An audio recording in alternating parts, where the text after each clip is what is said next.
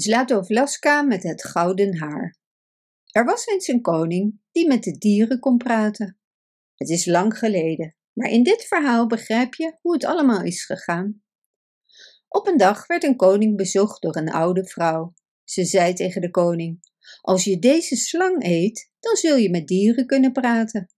De koning wilde dat wel, dus hij zei tegen zijn kok Jerik: Maak deze vis voor mij klaar, maar eet er niets van. Anders zal ik je hoofd eraf moeten hakken. Dat vond de kok Jerik wel een beetje vreemd bevel van de koning. Welke kok proeft nu niet iets van wat hij maakt? Toen Jerik de mand openmaakte, zag hij direct dat het een slang was en geen vis. Maar hij maakte hem klaar en toen het volgens hem gaar was, nam hij een stukje in zijn mond om te proeven of het goed was. Direct daarna hoorde hij het gesprek tussen twee vliegen in zijn keuken. En toen hij eieren ging halen, hoorde hij het gesprek tussen twee kippen. Dus nu begreep Jerik de geheimzinnigheid van de koning.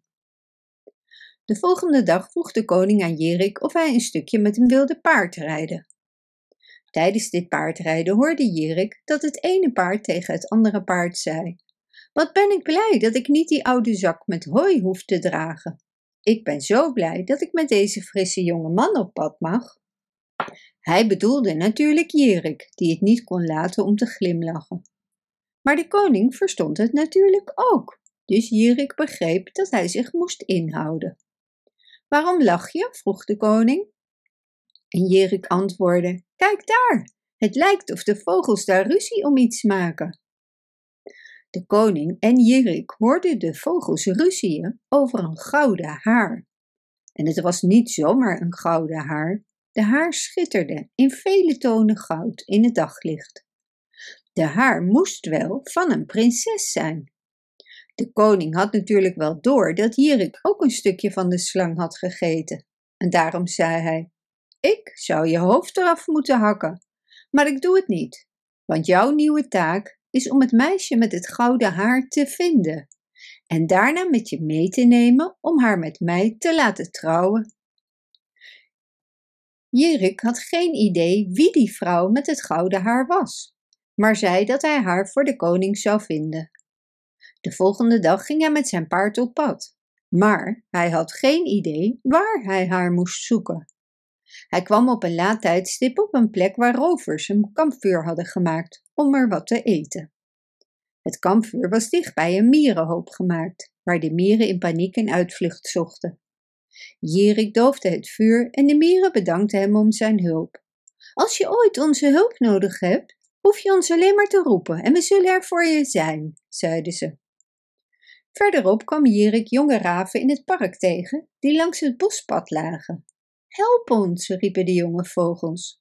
Onze ouders hebben ons uit het nest gegooid om voor onszelf te zorgen, maar we verhongeren. Heb je iets te eten voor ons? Jerik gaf het beetje eten dat hij nog bij zich had aan de vogels. Dank je, Jerik, zeiden de vogels. Wij zullen niet vergeten dat je ons je laatste beetje eten hebt gegeven. Als je ooit onze hulp nodig hebt, roep ons dan en we zullen je helpen.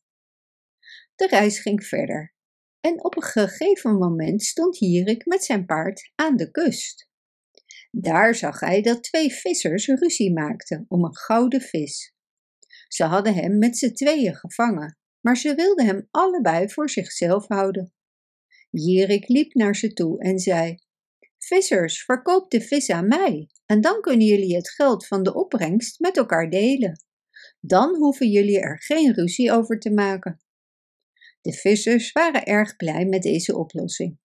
Toen Jerik over het gouden haar vertelde, zeiden de vissers dat het gouden haar aan prinses Sladovlaska moest behoren. Zij woonde op een eiland met elf zussen en haar vader de koning. De vissers wilden hem, uit dank voor zijn hulp, er naartoe brengen. De koning wilde Jirik wel ontvangen. En toen hij vertelde dat zijn koning wilde trouwen met prinses Sladovlaska, zei de koning: Ik zie geen bezwaar tegen het huwelijk, maar er zijn drie taken waarvan ik wil dat je ze uitvoert, alvorens ik mijn prinses uit handen geef. De volgende dag kon Jirik direct aan de slag met de eerste opdracht. De koning zei: Mijn dochter is een kostbare parelketting verloren in het hoge gras. Jouw taak is alle parels terug te vinden en ze voor zonsondergang naar mij terug te brengen. Jirik ging naar het weiland en toen hij zag hoe groot het was en hoe dik bedekt met gras, wist hij dat het een onmogelijke taak zou worden. Maar hij begon toch aan zijn zoektocht.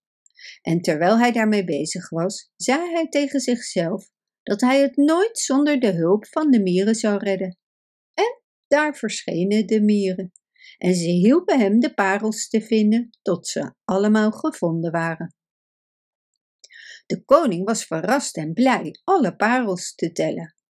Nu kwam hij met de tweede taak voor de volgende dag. Hij vertelde Jirik dat zijn dochter Slatovlaska een gouden ring verloren had toen zij een bad nam in de zee. Vind deze ring voor mij, was de tweede opdracht van de koning.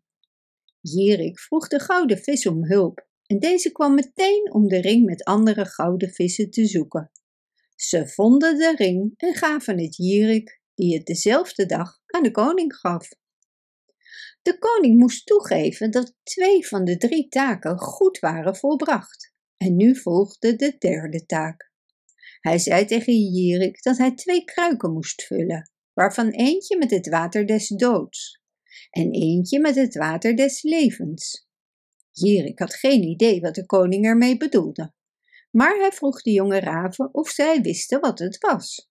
En dat wisten de raven wel, en ze zouden de kruiken zelfs voor hem vullen. En dat deden ze ook. Toen Jirik met de twee kruiken door het bos liep, kwam hij een groot spinnenweb tegen. Er zat een grote lelijke spin in het midden en hij hield een dode vlieg gevangen. Jirik gooide een druppel van het water des doods op de spin en deze was meteen dood.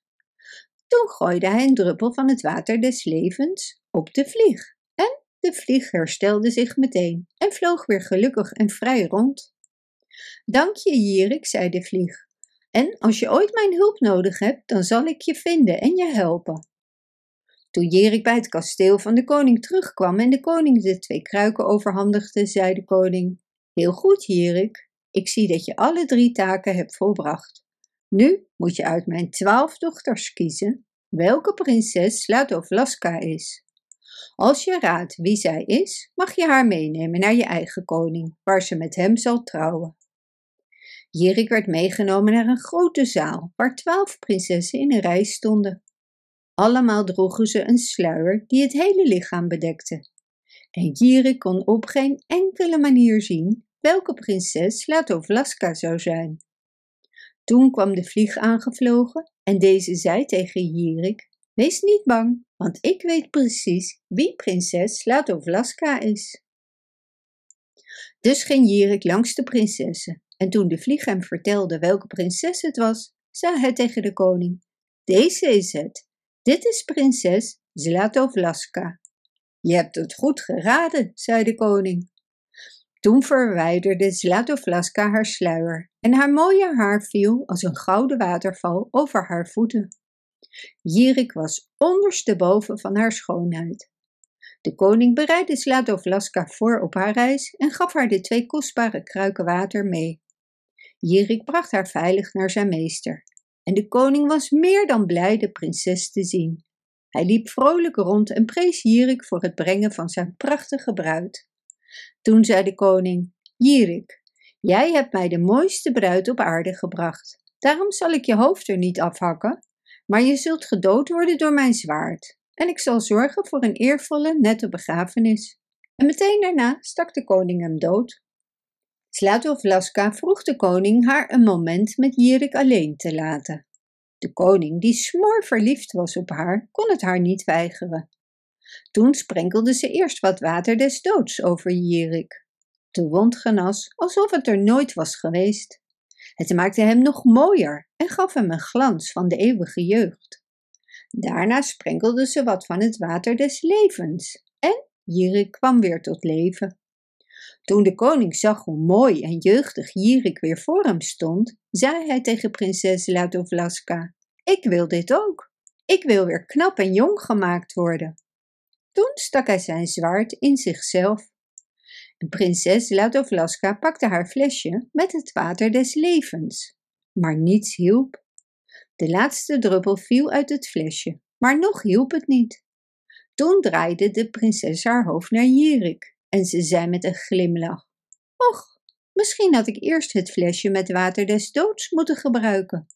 En ze deed een paar druppels op de koning en hij zag er weer jong en knap uit.